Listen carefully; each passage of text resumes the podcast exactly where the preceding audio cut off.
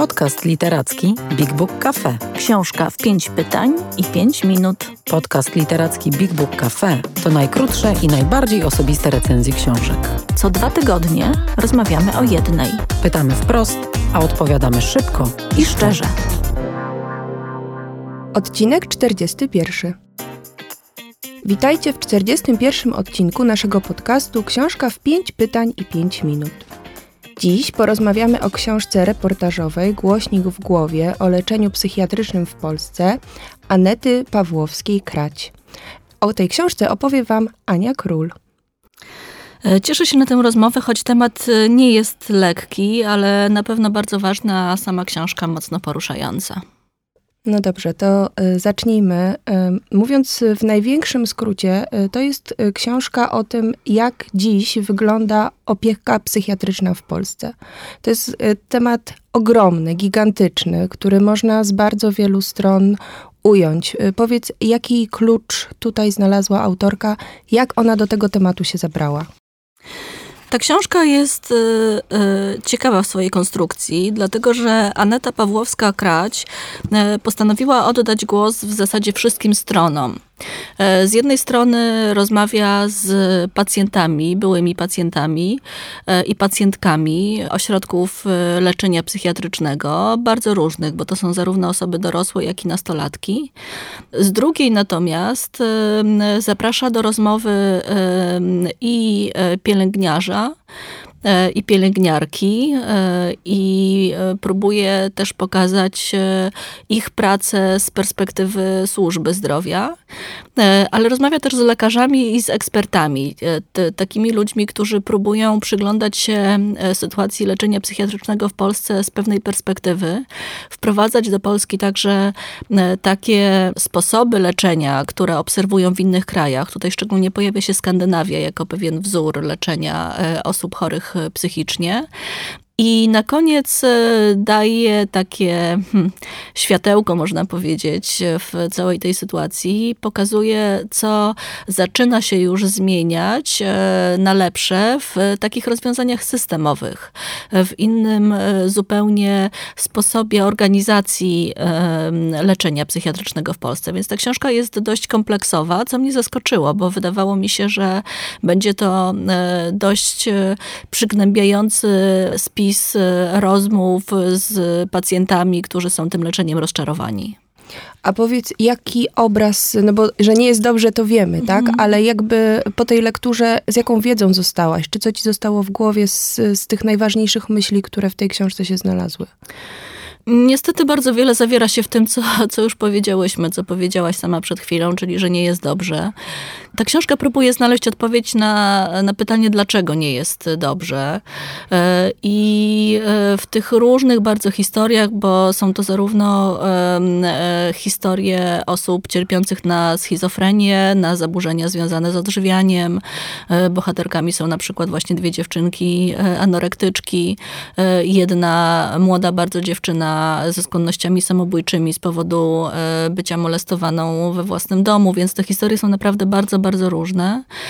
I one pokazują, że trafienie do ośrodka leczenia psychicznego nie do końca sprawia, że sytuacja się poprawia. To znaczy trafia się w pewien system, e, Podobnie zresztą chyba jak w ogóle w takim systemie polskiej służby zdrowia. To znaczy e, pacjent, kiedy trafia do szpitala, czy też, hmm, przepraszam, człowiek, który trafia do szpitala, staje się pacjentem e, i w zasadzie traci swoje wszystkie prawa. A w szpitalu psychiatrycznym czy w ośrodkach leczenia e, zdrowia psychicznego tracisz te prawa niemalże z założenia. Więc te historie są bardzo przygnębiające. Pokazują, jak pacjenci są traktowani często w nieludzki sposób. To z kolei próbuje tłumaczyć autorka, często wynika też z tego, że na jednym oddziale mamy do czynienia z opieką w postaci jednego pielęgniarza i jednego pomocnika, że lekarz jest tylko dochodzący, że w zasadzie kontakt z lekarzem jest bardzo utrudniony. Po prostu tych ludzi nie ma, tego personelu nie ma, więc nie powiedziałabym, że ona szuka usprawiedliwień, ale próbuje spojrzeć na to z szerszej perspektywy. Zahaczyłaś też o taki wątek, który y, dosyć mnie mocno interesuje, to znaczy tej opieki y, psychiatrycznej dla dzieci. Dużo się o tym mówi, że ta, zwłaszcza psychiatria dziecięca jest w zdruzgotanym stanie. Czy tutaj to jest jakiś ważny wątek tej książki? To jest jakoś wydzielone, czy jest po prostu częścią y, systemu? Jest to część tej opowieści. Te historie nie są jakoś specjalnie wydzielone. To jest e, kilka reportaży, które mają swoich bohaterów i e, dwa z tych reportaży właśnie dotyczą historii e, nastolatek. Tak jak powiedziałam, jedna z nich trafia do szpitala po którejś z kolei próbie samobójczej. Samo okaleczenia, stosowanie środków odurzających to jest to, co jest jej codziennością. Dopiero w trakcie którejś z kolei terapii, to zresztą też jest bardzo ciekawy wątek jakby sposobów leczenia już w samym ośrodku, bo okazuje się, że bardzo często na dobrą terapię nigdy się nie trafia w ośrodku leczenia zdrowia psychicznego, więc ona dopiero w której z kolei terapii, w której bierze zresztą e, udział ze swoim ojcem, przyznaje, że ten ojciec ją molestuje od lat e, i gwałci. I gdzieś ta sytuacja się zmienia, trafia na odpowiednią lekarkę, ma szczęście bardzo duże i udaje jej się e, gdzieś z tego takiego kołowrotku, powrotów ciągłych do, do punktu wyjścia e, uciec. E, I ta historia jest opowiadana z perspektywy, czyli to jest przykład wy, wyleczenia, czy jakiejś takiej ucieczki z tego strasznego świata. Natomiast jest też e, całe spektrum opowieści z punktu widzenia anorektyczki i jej koleżanek, na które trafia właśnie w szpitalu psychiatrycznym zamkniętym, które pokazują, jak bardzo w tym szpitalu można, e, jeżeli nie chce się leczyć, e, właściwie żyć nadal według tych starych zasad ze Starego Świata i że wszystko jest skoncentrowane wokół tego, jak, jak nie jeść, jak się nie leczyć e, i że w zasadzie nikt ich nie pilnuje, no, że to jest taki świat trochę zapomniany, gdzie się wrzuca te dzieciaki i one tam po prostu tkwią. Mm. Brzmi przerażająco, naprawdę. Ale wspomniałeś, że jest tam takie jakieś małe światełko nadziei. Czy w tej książce jest jakiś pomysł na to, co zrobić? Są to jakieś postulaty, złote rady? Wiadomo, nie, nie, pewnie nie na jutro i nie na szybko, ale może warto też tutaj o tym wspomnieć. E, pojawia się rzeczywiście w tej książce e, ciekawy bardzo wątek, e, który mm, pokazuje, że można w inny sposób zorganizować leczenie psychiatryczne, stawiając na prewencję przede wszystkim.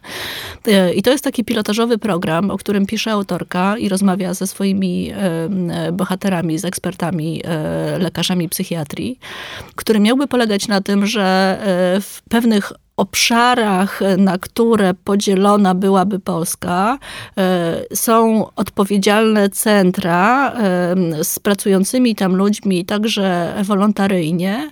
E, I pod te centra tak jakby są podpięci pacjenci, to znaczy oni i potencjalni pacjenci, ludzie, którzy potrzebują pomocy psychiatrycznej. I oni nie trafialiby od razu do ośrodków, do zamkniętych szpitali, tylko byliby leczeni na przykład w domu częściowo, tak? To znaczy właśnie z takim dojazdem personelu do, do opieki, do jakiegoś takiego zajmowania się tymi ludźmi, bo myślę, że problem, e, który ona diagnozuje, też polega na tym, że właściwie jest bardzo trudna opieka. To znaczy do e, szpitala trafiasz wtedy, kiedy przytrafi ci się już coś tragicznego. Nie wiem, próba samobójcza, jakieś załamanie, jakieś stany psychotyczne, kiedy ktoś wezwie karetkę i wtedy w zasadzie odwożą cię do ośrodka i tam wrzucają w, w ten system, e, co wcale niekoniecznie musi oznaczać wyleczenie. A tutaj miało ten system miałby na celu, ten nowy y, schemat leczenia miałby na celu to, żeby wyłapywać i poddawać opiece ludzi, którzy mają objawy, e, którzy chcą się leczyć i którzy potrzebują wsparcia. Po to właśnie, żeby nie trafiali do szpitali i do ośrodków. Zresztą jest dość dużą częścią tej książki też rozmowa o finansach, rzecz jasna, i o tym, na ile ten system byłby dużo bardziej przepustowy e, i w gruncie rzeczy mniej kosztował, więc e, myślę, że dla osób zainteresowanych, takich, które e, nie wiem, czy mają w rodzinach przykłady osób leczących się psychicznie, czy z innych powodów są zainteresowane tym tematem, to w ogóle ten wątek jest bardzo ciekawy i warto tę książkę chociażby dlatego przeczytać, po to, żeby sprawdzić, co się zmienia i co może się zmienić w najbliższym czasie. No właśnie, bo ty sięgnęłaś po tą książkę dlatego, że w ogóle ta tematyka y, cię zajmuje, prawda? Dużo czytasz książek, które w, w różnym stopniu dotykają tematyki właśnie zdrowia psychicznego, Mhm. metod leczenia, wspierania i tak dalej. Powiedz, czy ta książka, która w gruncie rzeczy bardzo publicystycznie czy doraźnie traktuje ten temat, ma też y, jakąś taką głębszą, uniwersalną myśl, która sprawia, że jest to taki reportaż, do którego można wracać, a może w ogóle nie taki jest jej cel, że jest to po prostu poszerzenie tematu, który i tak w debacie publicznej się pojawia i tutaj jest pokazany po prostu dużo szerzej. Myślę, że chyba raczej to drugie. To nie jest. e, Tak myślę, że to nie jest taka książka, którą chciałoby się trzymać przy łóżku i do niej wciąż wracać i, i sprawdzać, e, czytać od nowa jakieś fragmenty. Ta książka jest dość bolesna, ale przez to, że mm, jest tak wielowątkowa e, i jest taką próbą spojrzenia z perspektywy na e, sytuację zarówno pacjentów, jak i pracowników służby zdrowia, jak i ekspertów, którzy próbują coś zmienić, ustawodawstwa, to daje na pewno daje na pewno wiedzę. Daje na pewno wiedzę o tym, co się dzieje, co można zmienić e, i, i polecam ją właśnie takim osobom, które z jakiegoś powodu mogą być tym tematem bliżej zainteresowane. Natomiast z takiego punktu widzenia, mm, nie wiem, humanistycznego bardziej, czy, e, czy psychologicznego, to na pewno z jednej strony jakieś takie przerażające i poruszające, ale w pewnym sensie ciekawe i uzmysławiające, y, myślę nam sporo, jest y, spojrzenie na ludzi, którzy y, z ludzi zdrowych stają się nagle chorzy i próba jakby diagnozy też i spojrzenia na to, co się dzieje w naszym życiu, że coś może się rozłamać po prostu w jednym momencie. I czy choroba psychiczna to jest coś, co jest wpisane jakoś w nasze DNA, czy po prostu możemy jej ulec przez trudne warunki życia, przez jakieś naciski zewnętrzne, przez e, właśnie złe e, traktowanie nas przez rodziców. E, I że to, jest dość ciekawe, jak to, ten temat zdrowia psychicznego i zdrowie psychiczne jest czymś niezwykle delikatnym, kruchym i że właściwie ta sytuacja upraszczając, ale w pewnym sensie może dotyczyć też nas samych. To znaczy, że możemy się znaleźć w takim momencie, w którym sami nie będziemy sobie w stanie ze swoją psychiką poradzić. I w tym kontekście ta książka też dla mnie była bardzo taka ważna, taka, która uzmysławia, że każdy z nas jest narażony na, na bardzo wiele zagrożeń, jeśli chodzi o, o tę kruchość, którą jest zdrowie psychiczne. Ania, bardzo Ci dziękuję, zwłaszcza za tą taką osobistą perspektywę spojrzenia na tą książkę.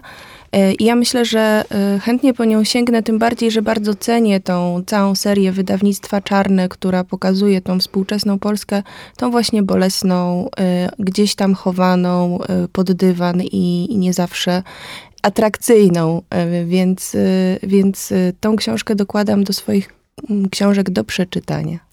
Bardzo się cieszę i dziękuję Ci za tę rozmowę. I to jest wszystko na dziś, jeśli chodzi o ten odcinek naszego podcastu. Następny już za dwa tygodnie. I tym razem ja będę rozmawiała, Julia, z Tobą na temat książki, którą wybrałaś. A będzie to debiutancka powieść irlandzkiej pisarki Megan Nolan pod tytułem Akt Desperacji. I już dziś zapraszamy Was do słuchania tego odcinka. Więcej o książkach opowiemy Wam osobiście, jeśli odwiedzicie Big Book Cafe, czyli księgarnię, kawiarnię i Centrum Wydarzeń Literackich. Wejdźcie na bigbookcafe.pl lub odwiedźcie nasz profil na Facebooku. Big Book Cafe. Czytam, Gadam. żyję.